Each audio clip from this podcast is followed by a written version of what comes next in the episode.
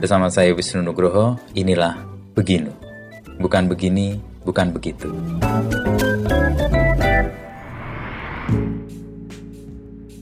Halo pendengar setia Beginu, selamat datang di episode terbaru persembahan Kompas.com dan Media Podcast Network. Di episode ini kita akan mendengarkan kisah Oi Hong Chin bersama koleksi seni rupanya. Seni rupa sudah menjadi penggalan terpenting bagi seorang Oi Hong Chin. Lewat koleksinya, Oi Hong Chin ingin merepresentasikan wawasannya dari karya-karya yang telah ia kumpulkan selama lebih dari 20 tahun. Bersama Wisnu Nugroho, kita akan menemui berbagai seni rupa yang menjadi saksi dalam perjalanan hidup Oi Hong Chin. Mari kita dengarkan kisahnya lebih lanjut.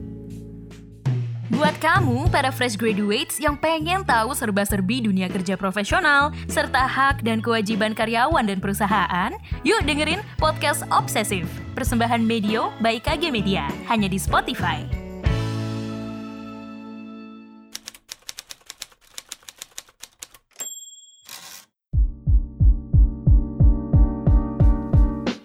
Dokter, ahli tembakau, dan ini nih Kolektor. karya-karya seni. Ini gimana ceritanya Pak Oi bisa memadukan tiga hal yang mungkin orang lihat sesuatu yang berbeda-beda tapi bisa. Sebenarnya ceritanya itu panjang. Saya kira memang tidak mendadak ya. Semua itu semuanya ya tergantung dari lingkungan hidup dan bagaimana kita dibesarkan ya selama pertumbuhan kita.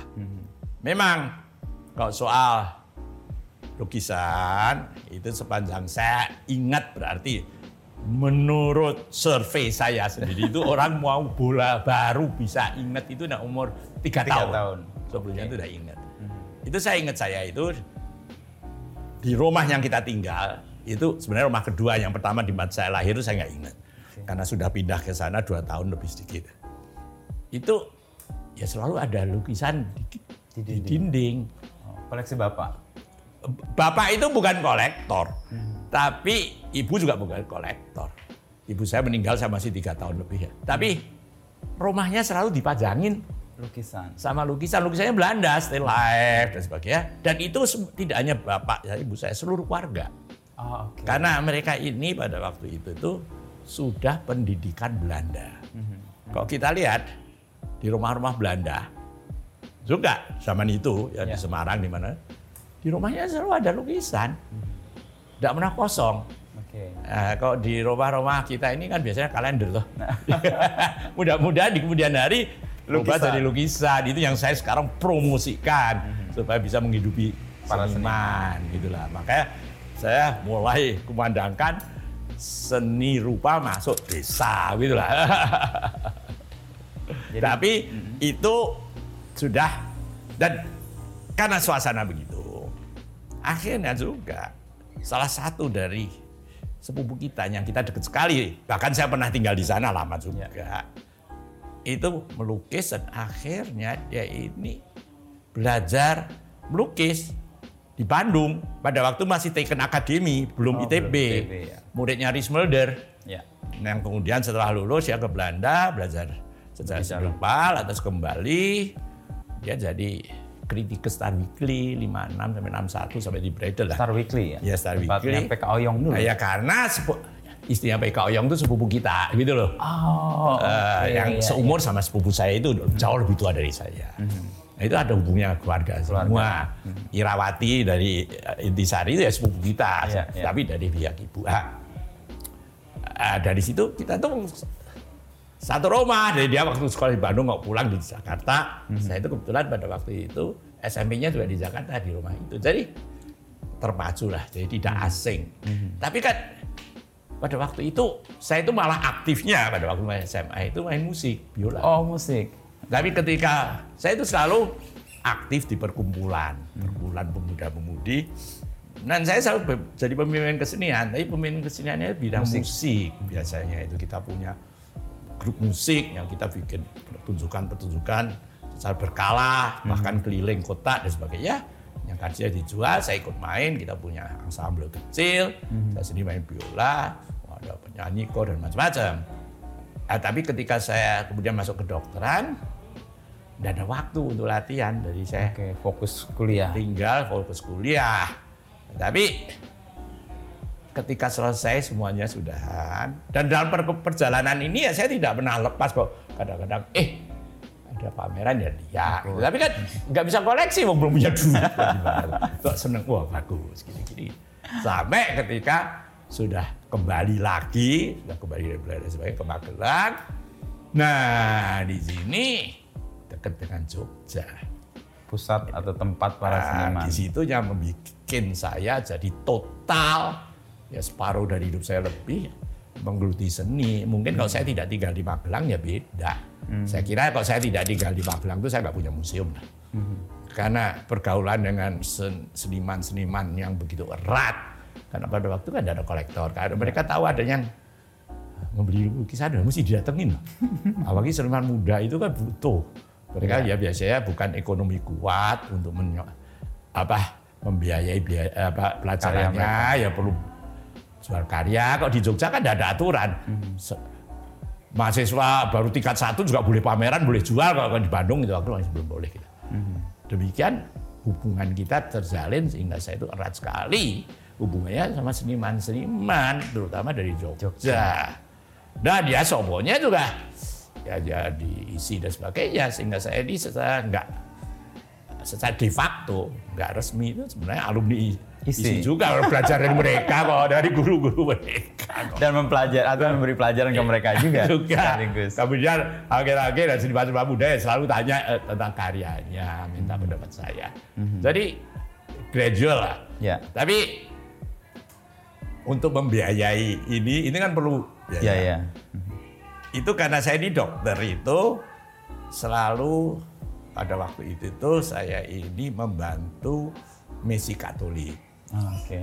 Di mana misi Katolik itu kan suatu eh, pekerjaan karitas, ya, kerjaan sosial, tidak untuk mendapatkan uang. Dan kita tidak ada uang dari situ, tapi uangnya saya dapatnya Tempat lain. dari tembakau itu sebenarnya itu warisan, perusahaan warisan dari ayah saya, yang saya tidak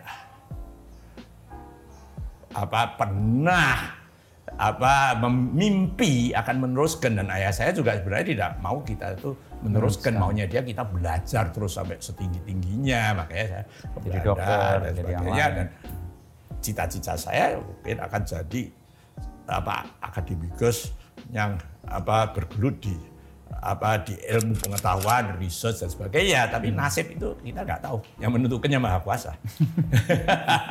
Jalanin tapi nasibnya Ya, nggak tahu ya. Akhirnya jadi begini itu ya kita nggak tahu. Yang paling penting kan ah, kita bisa menyesuaikan dan menikmati sajalah jalan hidup kita. Ya jangan menyesali, oh saya maksudnya mau jadi ini kok jadi itu. Ah, susah kita malah. Hmm, itu nggak hidup di masa sekarang itu, hidup di masa ya, lalu terus ya. ya, Yang paling penting kan kita itu bisa hidup di segala cuaca dan menyesuaikan. Hmm, adaptif itu ya. Ada teh, ya. Tapi di titik mana Pak Oi mulai mengkoleksi seni? Karena tadi kan waktu kuliah terus kayak berhenti gitu ya, karena fokus ke kuliah. Oh ya, kuliah dokter. belum bisa belum bisa, belum bisa atau belum punya Iya, duit kok. Setelah jadi dokter berarti. Setelah Jadi begini, sebenarnya setelah jadi dokter juga tidak jadi kolektor. Pada waktu itu saya juga belum punya duit. Jadi, tapi yang saya tahu, lukisan pertama yang saya beli. Saya itu kan lulus tahun 64. 64, Terus, ya. Tahun 65 itu saya beli lukisan pertama. Lukisan siapa Pak? Oh, iya. Nah itu lukisan tuh pelukisnya nggak terkenal. Saya beli di art shop sini. Ya dulu saya pajang, ya sekarang saya malu tuh pajang itu. Tapi saya tetap masih punya. Dan pernah saya pamerkan ketika saya umur 70 tahun itu tonggak-tonggak Awal. eh, ya dari eh, perjalanan mengkoleksi lukisan pertama, apa, lantas apa warisan, lantas pemberian, lantas kekeliruan, macam-macam itu pernah, pernah lah, bukan yang bagus-bagus. Ya. Jadi saya itu memang pada dasarnya mem- memang mempunyai, mempunyai sifat kolektor karena saya itu tidak mudah membuang sesuatu. Gitu loh. Dan nyus, nyusoh gitu loh, kalau Nyusoh, orang ya. Jawa bilang. Itu sering orang-orang di rumah nggak nggak suka kan nyusoh kan akhirnya jadi wah sarang tikus gini-gini. Apa yang melandasi itu Pak? Oi, kalau dilihat gitu ya, kenapa kok punya kecenderungan untuk nyusoh tadi, mengumpulkan atau Gini loh, karena nggak tahu ya, karena mungkin segala sesuatu itu kalau saya kerjakan itu ada passionnya, ada ikatannya, Ya, ya. sehingga tidak mudah berpisah. Ada hati di situ ya. Ya ada walaupun misalnya dalam proses mengkoleksi itu kan yang kita koleksi awal-awal ya jelek-jelek loh. Kita belum tahu kok. Ya, kan dilihat sekarang ya, aduh kok gini kok saya beli gitu kan. Tapi itu saja untuk melepas tuh berat. Berat. Nah, Itu bagian dari perjalanan yang Itu perjalanan dari, iya jadi dada ya tidak begini gitu loh. Mhm. Nah dada itu mungkin dada taraf sekarang gitu. loh. Ya. Lucu tuh. Ya enggak tahu deh saya udah mati mungkin dibuang semua gitu. Tapi bagian untuk melihat perjalanan sendiri sebenarnya itu. Bah itu berproses. itu tuh ada ba- baiknya. Ada baiknya itu saya rasakan. Ketika saya mulai mengeluarkan buku pertama Exploring Modern Indonesian Art, ya, itu tahun berapa itu ya? Eh, 2004 kalau nggak salah pada waktu itu yang ditulis oleh Helena Spanyat. Ya. ya. Ah pada waktu itu kan lukisan-lukisan oke lah. Saya ambilin bareng sama Helena Spanyat. Lantas captionnya lukisan itu. Nah, captionnya sebenarnya yang eh, yang dapatkan atau itu saya yang bikin saya. Karena dari mana? Dari katalog-katalog yang saya simpan. Ah, nggak susah loh iya. Nyusoh itu ada gunanya ada juga. gunanya. Oh, ini dipamerkan di sini. Ini ini ini ini ini ukurannya sekian. Ini gini gini gini. Hmm. Judulnya ini. Bahkan itu saya itu punya seperti lukisan ini yang saya dapat dari Brasil. Saya punya katalognya ketika dia dipamerkan Pamerkan. di Rio Wow. Hmm. de Janeiro.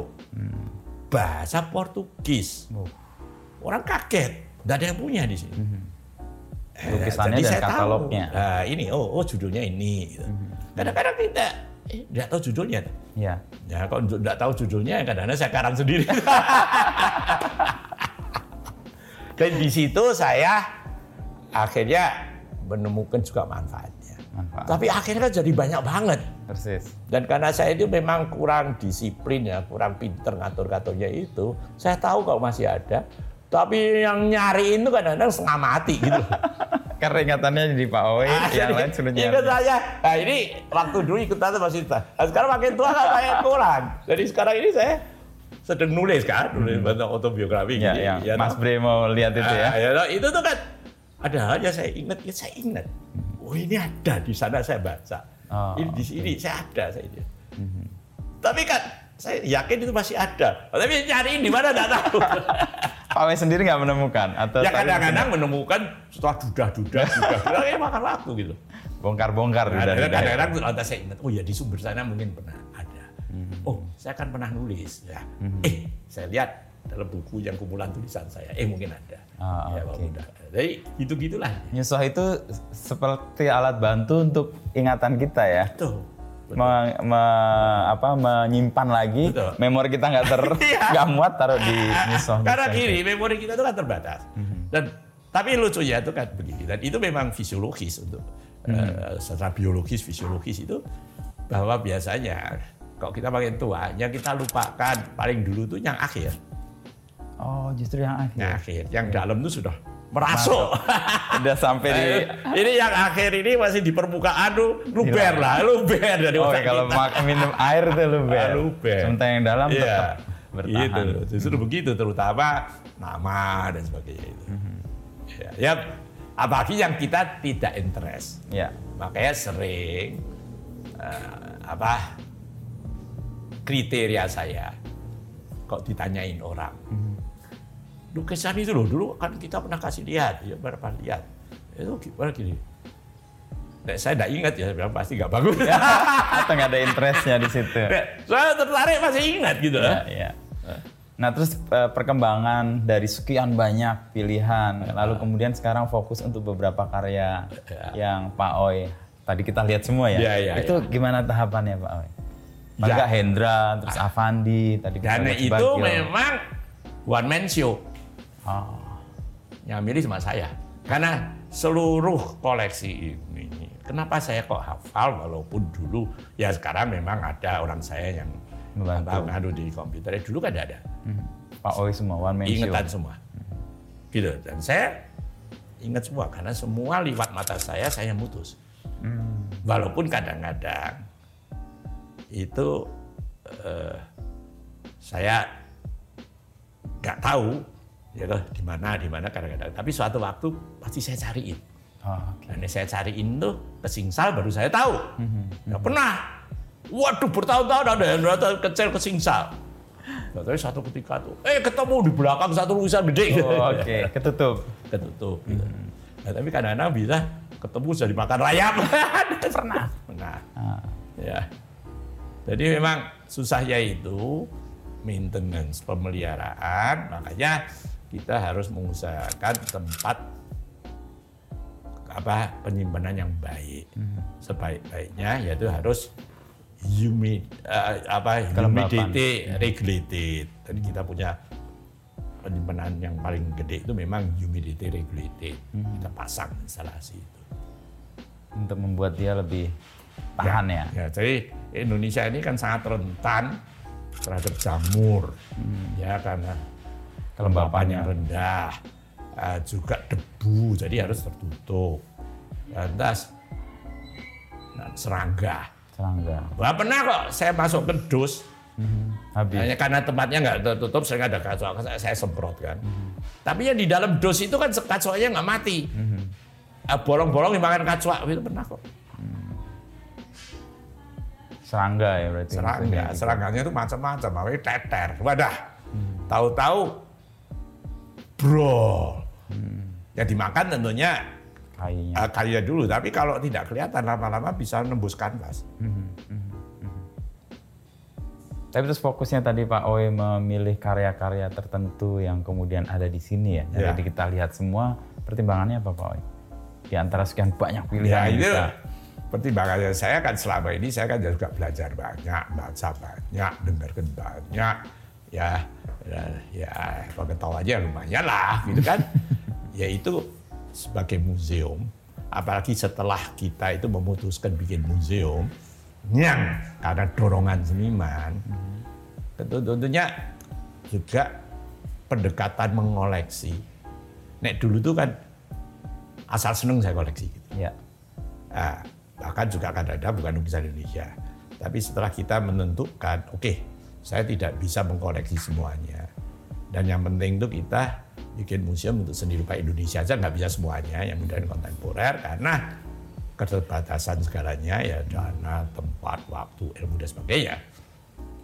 Itu lantas seperti kriterianya saya kan jadi macam macam-macam terutama ya pentingnya senimannya juga penting kedua mutu karya ya kondisi kalau masih kalau sudah jelek ya tentunya masih bisa diperbaiki. Karena kan yang tua-tua itu kan kondisinya sudah bagus. Ya.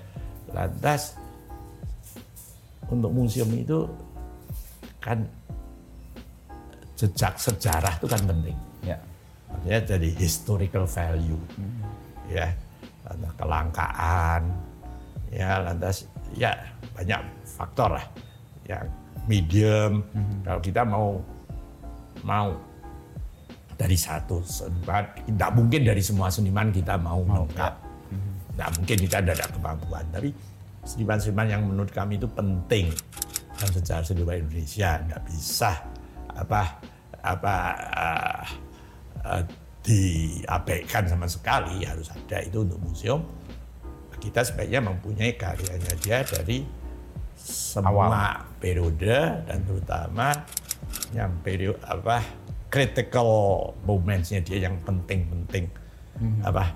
Karya-karya yang penting sebisa-bisanya. Juga dari macam-macam medium ya baik itu mulai dari sketsa itu kan penting juga. Ya. Tahapan awal atau Ya, dan dia bikin macam-macam medium ya, Eh, bisa itu terwakili.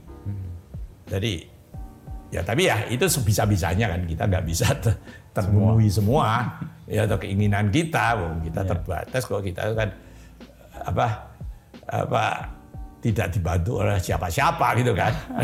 personal interest Personal saja. interest itu kalau tidak ada ya, kecintaan dan ada passion ya tidak bisa bertahan juga gitu.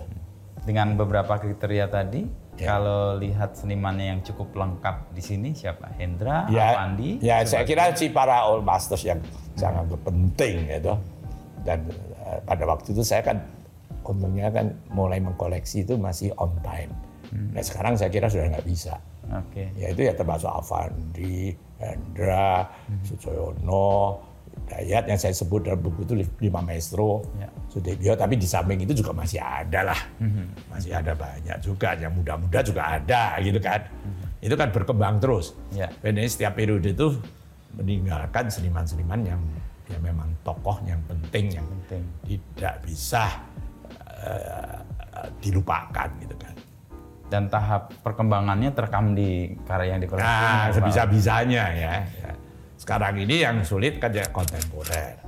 Karena kenapa? Mereka masih berkembang terus. Ya. Bisa jadi macam-macam. Macam-macam dan karyanya kadang makin lama makin besar. Kita kan Tempat nggak ada. merawatnya juga sekamati gitu. Iya, iya. Karena karya kontemporer kadang-kadang kan materialnya juga kita tidak tahu. Hmm. Sehingga nanti terjadi sesuatu, konservatornya itu Bingungan akan kesulitan juga loh. Karena kadang-kadang mereka tidak tahu apa yang dipakai. Kalau yang konvensional kan jelas semuanya. Ya, caranya. Sudah, diper- di- sudah dipelajari sama para ahli konservasi.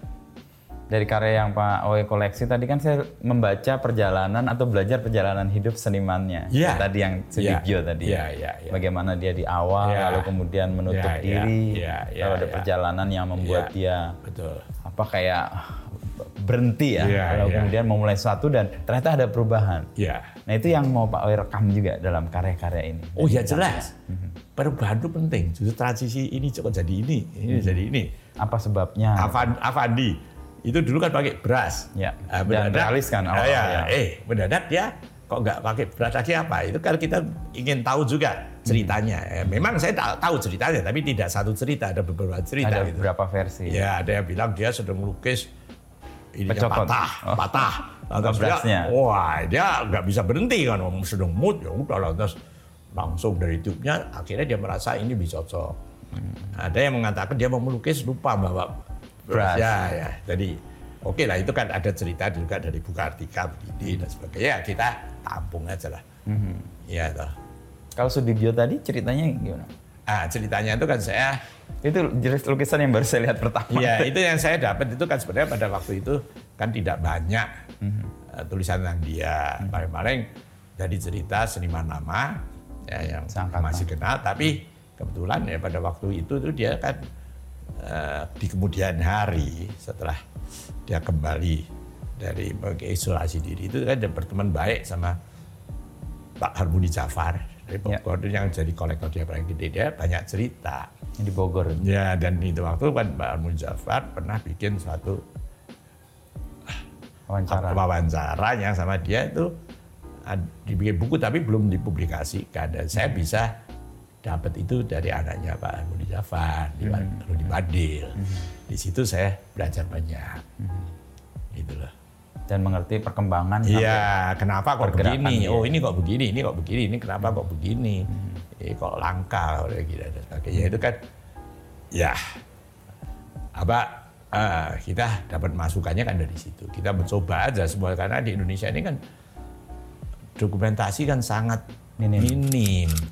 Nah, saya bilang setiap kolektor itu sebenarnya mau bisa berkontribusi dalam hal itu walaupun sedikit sedikit apa pun tapi kan ada bisa bermanfaat. Maka ada baiknya kolektor itu ya kalau mau bagus dia bikin museum sehingga koleksinya Bisa bisa, dilihat. dinikmati oleh umum karena karya-karya bagus itu kan sebaiknya bisa dinikmati oleh sebanyak mungkin orang. Kalau enggak ya kasihan karyanya, kasihan senimannya. Kalau tidak setidaknya ya dipublikasikan. Eh, Gimana ya toh bikin buku. itu bagian yang Pak Wahde juga lakukan ya. Ya, itu- itu sudah saya lakukan. Mendekatkan karya ke Ya. publiknya ya. Dan saya juga kita ini kan museum kita juga sering meminjamkan karya kepada museum-museum lain, untuk pameran jangka lama bahkan lima tahun ada yang lebih dan sebagainya ke museum-museum luar negeri, dalam negeri, pameran. Maksud kita kan sharing lah, Ya. berbagi ilmu dan berbagi kenikmatan, kesenangan. Masa kita mau senang-senang sendiri? ya nggak bisa dong, orang lain nggak senang kita senang sendiri, so apa bisa senang gitu nggak Iya. mungkin. Ya. Rasanya juga beda kan. Beda kan. Senang-senang ya. sendiri itu senangnya siapa ya? Gimana, cuma ketawa sendiri ya, orang gila tuh. Ah, ya. Tapi dari semua koleksi yang tadi kita lihat Pak Owe ya, tadi juga ada Hendra, ada Sudibyo, Ya. ada yang Ya, lain-lain ya. juga. Itu kan ada kemiripan ya sebenarnya. Nah begini, Ada. kalau seniman-seniman Mhm. itu memang satu sama lain kan mempengaruhi. Hmm. Apalagi yang eranya sama ya. Eranya sama, yang hubungannya dekat. Nah, kemudian nantinya mereka akan menempuh jalannya sendiri-sendiri. Ya seperti yang kita lihat kelompok jendela, Ya. ya. yang saya dekat sekali mereka diikuti sejak mereka semester pertama. Awalnya itu kemiripan loh, Andi Werman, Yunisar, Alfi, bahkan Irfan, kadang-kadang nggak bisa bedakan juga gitu. Tapi sekarang mereka sudah jalan Menemukan jalannya sendiri-sendiri. Terima kasih telah mendengarkan podcast Beginu. Nantikan obrolan Wisnu Nugroho bersama narasumber inspiratif lainnya.